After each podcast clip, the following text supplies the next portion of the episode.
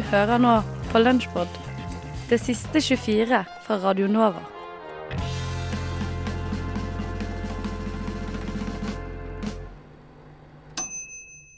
Lunsjpod er tilbake med meg, Tage og Eline.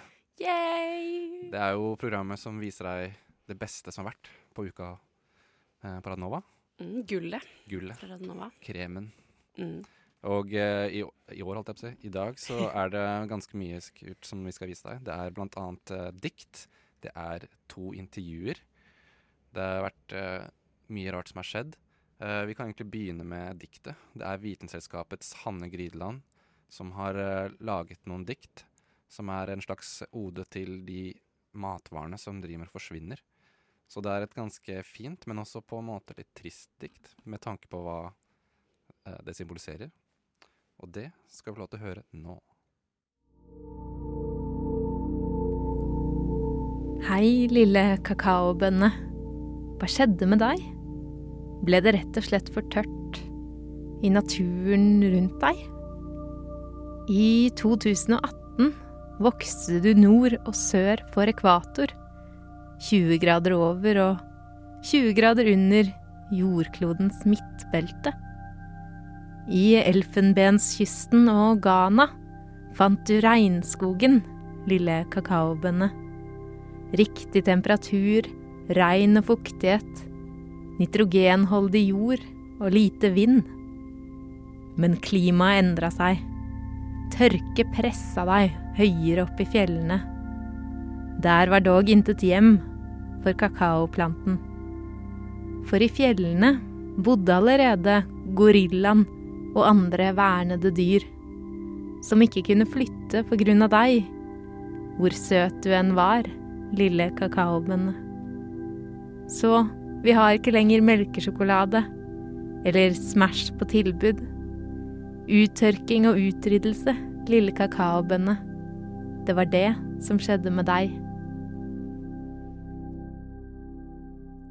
Eline, vi snakka jo om at det er egentlig mer trist enn det er fint, kanskje? Det er veldig trist. Det er kanskje det fine som gjør det sånn ekstra trist. Ja. Um, ikke bare fordi det er trist at sjokolade kan forsvinne, men det er noe med hele Mm. Det er så endetidsaktig, det her. ja. Nei, vi får nyte det så lenge det varer, holdt jeg på å si. Det er bra samtidspoeten Hanne Grydeland vekker oss opp litt her. Eller Ja. Hannibal Grydeland, var det kanskje. Eh, ja, kanskje det. Uh, nå så skal vi høre Studentnyhetene, som gjorde et intervju med noen legestudenter. uh, som hadde en litt dramatisk opplevelse der de ble ranet ved machete. Og det er ikke noe som skjer hver dag, så jeg syns det er ganske interessant å høre på. Um, fem norske legestudenter fikk en brutal oppvåkning da de ble rana med machete natt til tirsdag. De var i praksis på Zanzibar da tre menn tok seg inn i huset for norske og tyske frivillighetsarbeidere. Og vi har med oss 24 år gamle Ingeborg Marie Sevensby. eh, Og dere kom hjem til Norge i går. Først, fortell. Hvordan var det eh, for, for deg å være i, i Sandsbar? Ja, altså I utgangspunktet så var det jo en veldig fin opplevelse å være på Sandsbar, og Da bodde vi i et frivillighus i et nabolag som lå sånn ti minutter kvarter utenfor Stonetown. Da. Så Det var et hus med fem soverom. Så var det mura inn da, Mm. med en mur rundt. Og de andre husa som var i det nabolaget, hadde jo strømgjerde sånn på sine murer, da, så det hadde jo ikke vi. Ja, Opplevde dere det som trygt oppholdet å oppholde dere i Zanzibar frem til denne uka? Ja, altså I utgangspunktet så vil jeg jo si at vi gjorde det. Man tar jo visse restriksjoner i forhold til det man har fått informasjon på, på forhånd. Altså det med at eh, det er annerledes. Man skal passe på tingene sine og rette seg etter hvordan det er der. Akkurat i det huset så hadde vi jo følt oss veldig trygge. Så det kom jo da til natt til torsdag. Eh, Hva var, hva var det konkret som skjedde? Nei, det som skjer er jo at eh, vi eh, våkner Altså det kommer tre menn med lommelykter inn på soverommet, og jeg lå i overkøya, hun som lå under meg sier ja, nå blir du rana. og skjønte jo egentlig ikke helt hva som skjedde. Jeg satte meg opp, så mm, ser jeg jo da at de har jo macheter, og hun under meg hadde jo våkna opp av at de holdt den macheten over måtte hodet hennes og liksom sa 'vær stille'. Vi oppfattet vel egentlig ganske fort at det var materielle goder de var ute etter, da, eh, og ikke noe fysisk. Man blir jo redd for overgrep eller Mm. sånne ting. Dersom man blir utsatt for ran, skal man bare gi fra seg ting. Fordi de er jo farlige, de folka der. Eh, så, men vi var rom nummer tre de hadde vært inne på, viste seg etterpå. De var mer stressa da de var inne hos oss, så de fikk jo ikke med seg iPhoner og Mac og sånne ting. Men de tok jo en del kontanter da, og andre ting. Så mm, det var det som skjedde. Og da gikk de ut, og så fikk vi jo da høre etterpå at de hadde jo først da kommet seg over muren i, til huset, og så hadde de, eh, hadde de på tatt til fange holdt jeg på å han vakta som var der, og det var jo egentlig bare en 15 år gammel gutt. Eh, som de hadde bindt fast og så låst inne i en sånn eh, bod ute der. da. Hvordan, hvordan reagerte dere etterpå etter hen- hendelsen? Hvordan følte dere det? Altså, det at vi var i en slags sjokktilstand, først og fremst. Man er jo veldig sårbar akkurat når man ligger og sover. Man føler seg veldig som bokstavelig talt tatt på senga. Vi samla oss i fellesområdet i huset der alle frivillige, og på en måte snakka om det og det egentlig der hele natta. Man blir sjokkert, og noen griner, noen er sinte. Det, alle var jo veldig overraska over at det kunne ha skjedd. Valgte, jo- hvorfor valgte dere å dra, dra hjem etter denne hendelsen? alle var jo på en måte enige om at vi ønska ikke lenger å bo i det huset. At ingen følte seg trygge i det huset. Og da var det jo egentlig ikke noe annet alternativ. Vi er jo nede der som frivillige. Det er litt begrensa med midler og sånn, med penger og sånn. Man kan, kan på en måte ikke bare booke seg inn på et hotell og være der i to uker heller. Så da, sånn at eh, flere følte på at man ville hjem. da, At det var at man det var en såpass stor påkjenning, og at man var usikker på hvordan man kom til å kanskje reagere de neste dagene, og at det kom til å få noen ettervirkninger. At eh, folk ville hjem og føle seg trygge. At man Ja, at flere av jentene var veldig skremte. Og mm, så det ble vel egentlig en sånn avgjørelse på at det var greit å dra som en gruppe. At man ble enige om det. Vil du, vil du fortsatt, eller vil du anbefale folk å dra utenlands eh, i utdanningssammenheng tross denne, denne hendelsen? Altså, jeg ser ikke noen grunn til å fraråde folk å reise på frivillig arbeid, fordi ting kan skje uansett. Jeg synes Det som egentlig er mest viktig å belyse, er at man skal være klar over at ting kan skje. For jeg tror på en måte det er den der naiviteten som vi nordmenn, eller spesielt kanskje, da, men også generelt i den vestlige verden. Altså, vi har jo ja, vi er vant til å ha en veldig trygghet rundt alt vi gjør, og sånn er det ikke i andre land. Så det er jo kanskje i hvert fall spesielt som jente, så man er veldig utsatt. og i hvert fall sånn som min egen del, så tror jeg kanskje det har vært den største vekkeren at eh, oi, det kan faktisk skje. Eh, man hører om det, og man er jo egentlig klar over det, men hvor sår man, sårbar man faktisk er, da. Mm. Jeg vil ikke fraråde folk å reise eh, som frivillig hvis man har lyst til det, men eh, jeg hadde nok i hvert fall veldig sett an eh, hva slags forhold man skal bo i, og hvor man er. Fordi man, Når det er så mye fattigdom som det det er i de landene og de stedene her, så er det også veldig mye desperate mennesker. Og det er vel det som jeg tenker ettertid, at eh, når de er, mest sannsynlig har fulgt med på, så du ser da en gjeng europeiske jenter hovedsakelig, da, så tenker man at de har penger. Og det her er sikkert folk som ikke kommer fra eller som, ja, de kommer fra ingenting da, og har ingenting. Så desperate folk gjør jo kriminelle handlinger. Radio Nova er best. Alle andre er tapere. Radionova.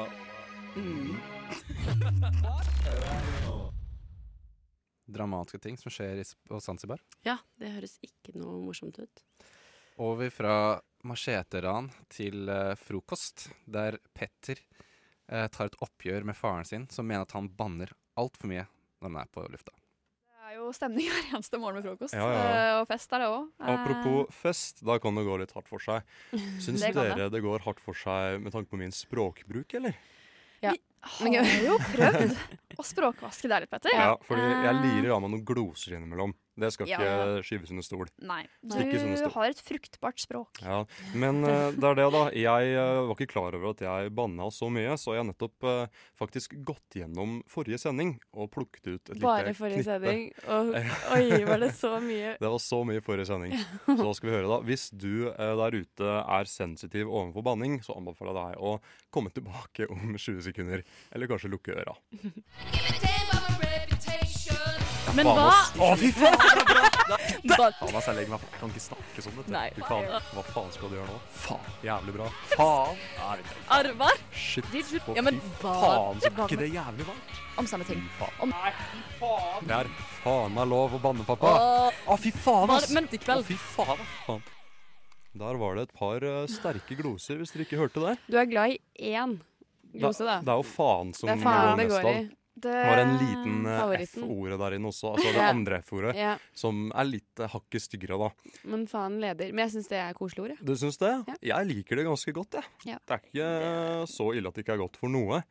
Men jeg tror nok at vi jeg, Altså, jeg vet Eller jeg vet ikke, men jeg har hørt at folk sier sånn Å, de som banner mye, det er fordi de har dårlig språkforråd, og de er egentlig ikke sånn smarte og sånn. mm, Eh, men jeg vet selv at eh, jeg banner mye, og Mm. jeg tror at vi også banner mer sammen når vi er sammen. Fordi Ja. en av oss begynner, så, Så- det er åpner det liksom døra til alle oss andre. mm. Eh, ja. Men eh, det skal jo ikke stikkes under en stol at du leder nok i Ja. Ja, jeg må faktisk eh, eh, kanskje roe meg litt ned, og det er det noen andre som syns også. Fordi jeg fikk nemlig en melding av faren min forrige sending, hvor han eh, sa at jeg banna litt for mye.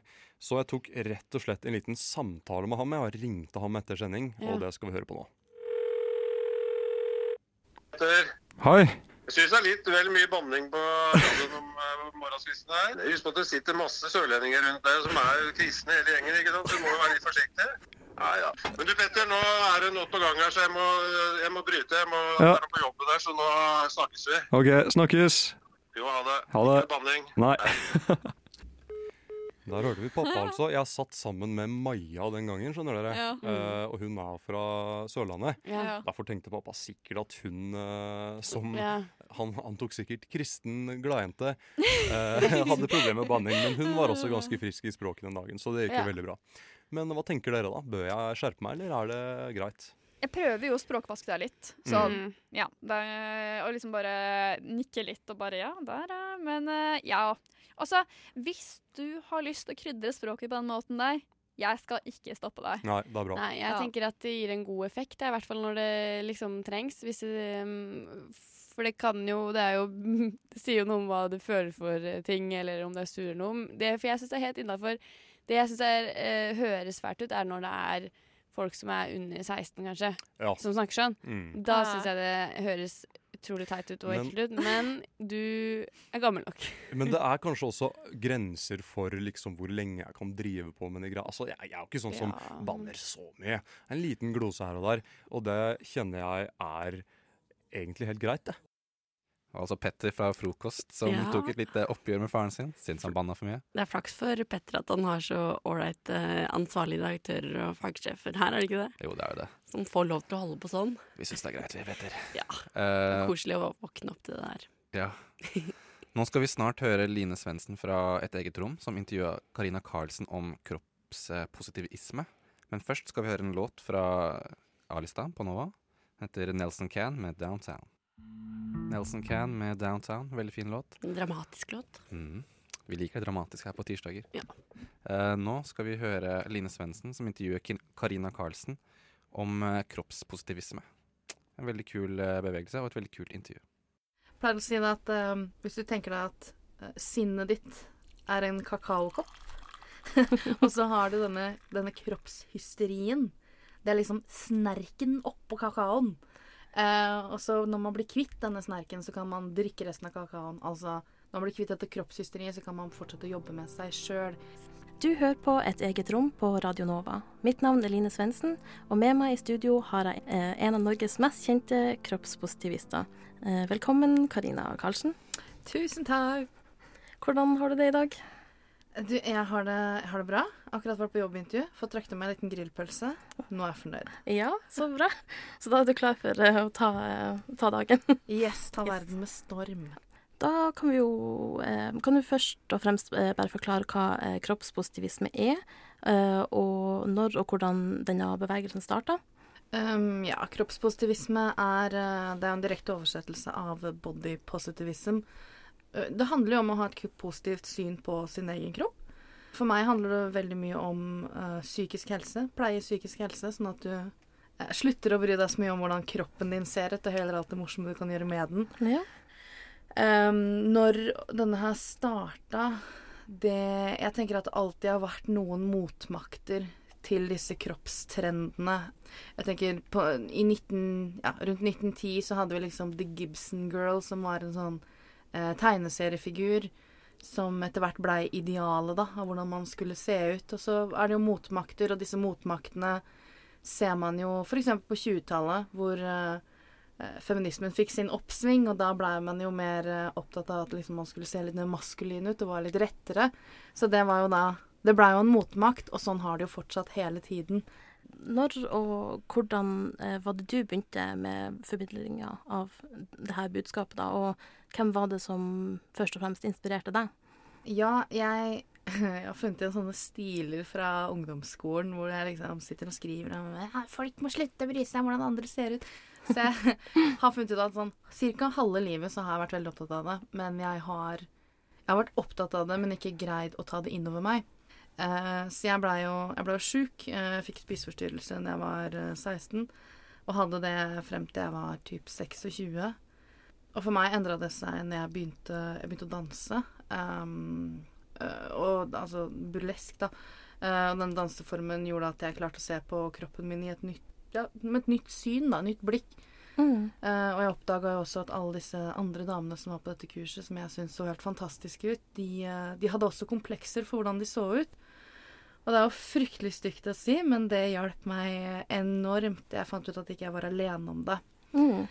Så sånn eh, Mennesker som har inspirert meg Jeg hadde vel ikke så veldig mange da, andre enn at jeg forsto sjøl at jeg måtte gjøre en endring. Um, og i begynnelsen så var det nok mest andre burleske artister som var store. Mm. Um, men sånn i ettertid så ser jeg jo ja, altså Tess Holiday for eksempel er jo en veldig, veldig spennende uh, Spennende, hva heter det, aktivist. Um, Jess Baker Ja, du har jo noen i Australia. Altså det, nå begynner det å bli en sånn verdenomspennende bevegelse. Det er Ja. mange å se opp til. Hvilke andre kroppspositivister finnes det i Norge eh, i dag? Og det mm, Hva syns du eventuelt om Ulrikke Falk, da, som er blitt en sånn slags eh, talsperson for dette, eh, denne bevegelsen, da? Mm, Hva syns du om måten hun eh, framstiller eh, kroppspositivisme? For å ta det første først, da, så finnes det, det finnes jo en rekke kroppspositivister. Camilla Lorentzen, eksempel, som er personlig trener og driver denne Fitnok. Mm, Har jo en veldig spennende måte å se på kropp. Um, så har du Kristin Gjelsvik eller noe. Ja. Mhm. Um, men den mest kjente vi har, det er nok Ulrikke Falk. Uh, jeg syns Ulrikke har en veldig sånn spennende, spennende fremstilling av kropp. Nå har jeg vel sett at hun har fått litt kritikk fordi hun, uh, fordi hun er slank, liksom, og er tilnærma idealkroppen.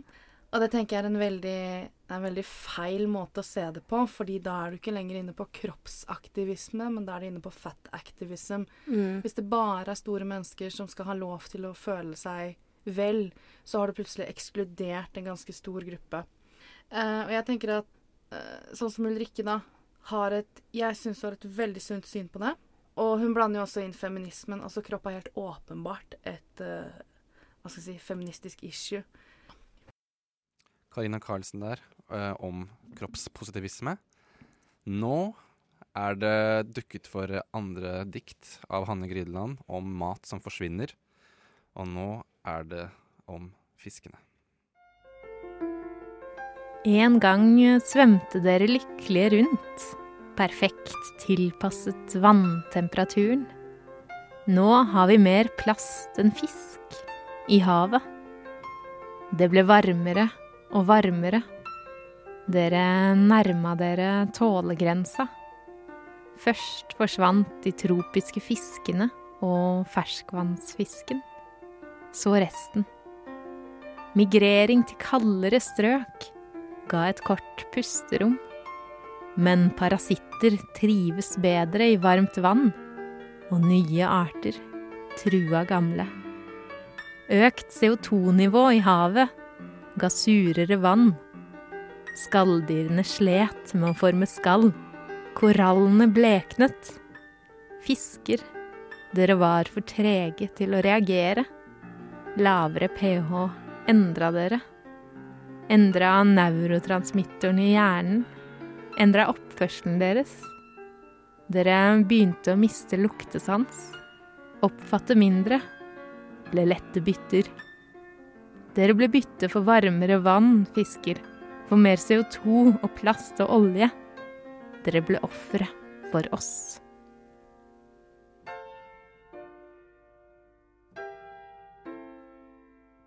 Det er triste saker, Line. Det er skikkelig trist. Det er uh... Vi må ta det innover oss. Prøve. Mm, prøve i hvert fall. Fra noe litt dystert til kanskje noe litt mer muntert. Nå, forrige uke så dro eh, Skallebank til Syden. Uh, og nå skal vi høre hvordan uh, en dag i Ida Seinfeld sitt liv var den uka.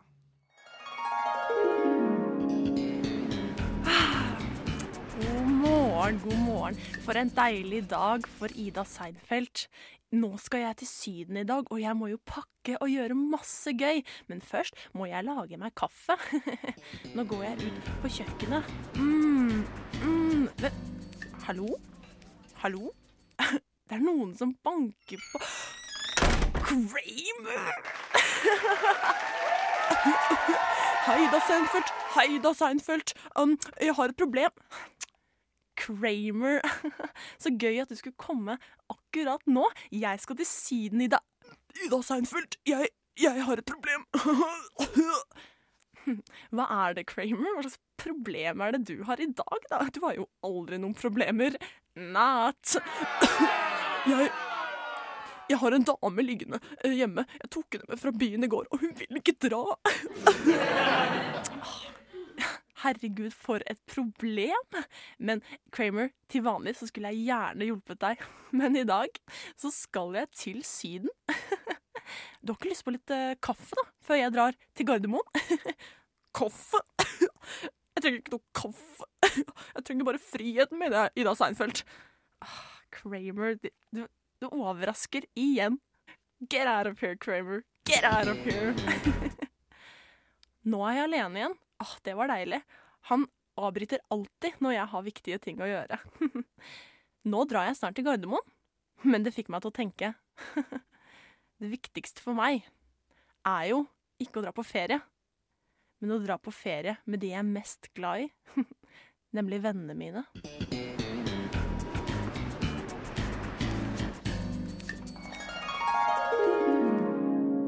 Det er typisk Kramer. Ja. Skal drive med å avbryte. Morsomt. Ida. Mm. Eh, nå er det dags for litt skumma kultur. Det er Christian eh, Hasle som har laget et hørespill hvor det er en slags eh, kommentarfeltkrig som eh, utspiller seg. Radio Nova, amatørradioteater, presenterer Ta kommentarfeltene tilbake av Stian L. I rollen som hissig debattant 1 finner vi Timian Leander. Ja, god dag, alle sammen. Og i rollen som hyssig debattant 2 finner vi Frank. Mart Stian L. har skrevet en artikkel om sosiale medier, hvor han spør om kommentarfelt og Facebook kom for brått på den eldre generasjonen. Debattant nummer én, Timian Leander, kommenterer først. Det er bra skrevet, og vi som er i den alderen og har respekt for andres synspunkter og ønsker å ha en debatt om aktuelle temaer, blir fullstendig blåst av banen av usakligheter og usanne påstander.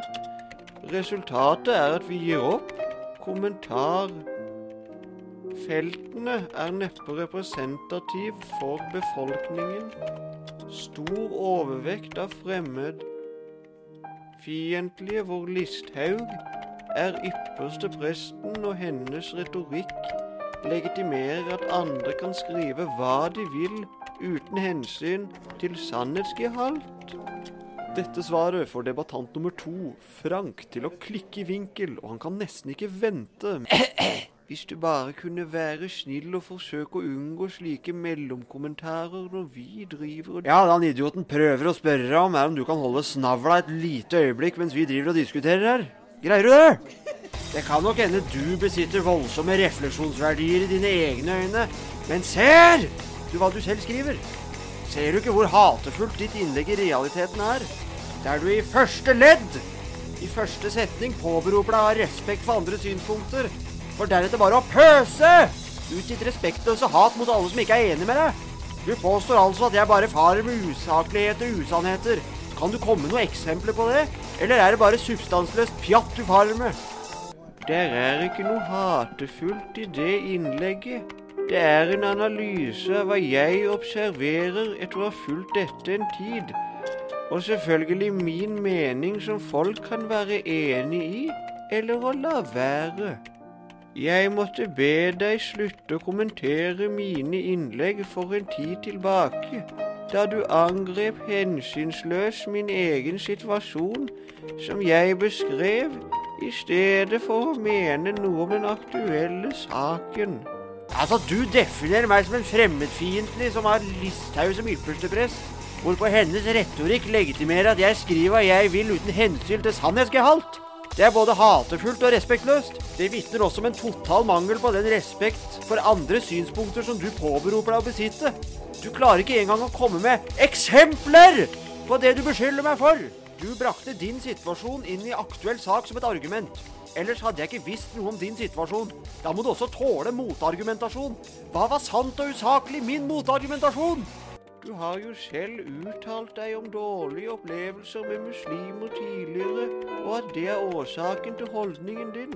Du angriper personer i stedet for å ha meninger om aktuelle temaer som debatteres. Jeg har selvsagt ikke tatt vare på alle innlegg, men du vet nok hva jeg mener. Altså igjen, ser du hva du skriver? Det er faktisk du som bedriver personangrep. Du karakteriserer og definerer meg personlig, seinest rett over her. Jeg tror faktisk du skal slite med å finne mange som er mer saklige i forhold til den saken som debatteres enn meg.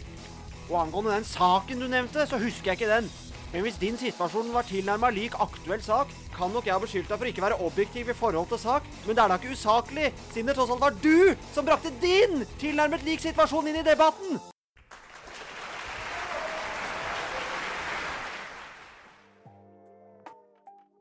Lunsjpod er over. Med meg i studio hadde jeg Eline Hystad, og mitt navn er Tage Rivas Tollefsen. Neste uke er vi tilbake med det beste som var fra uka på Radio Nova.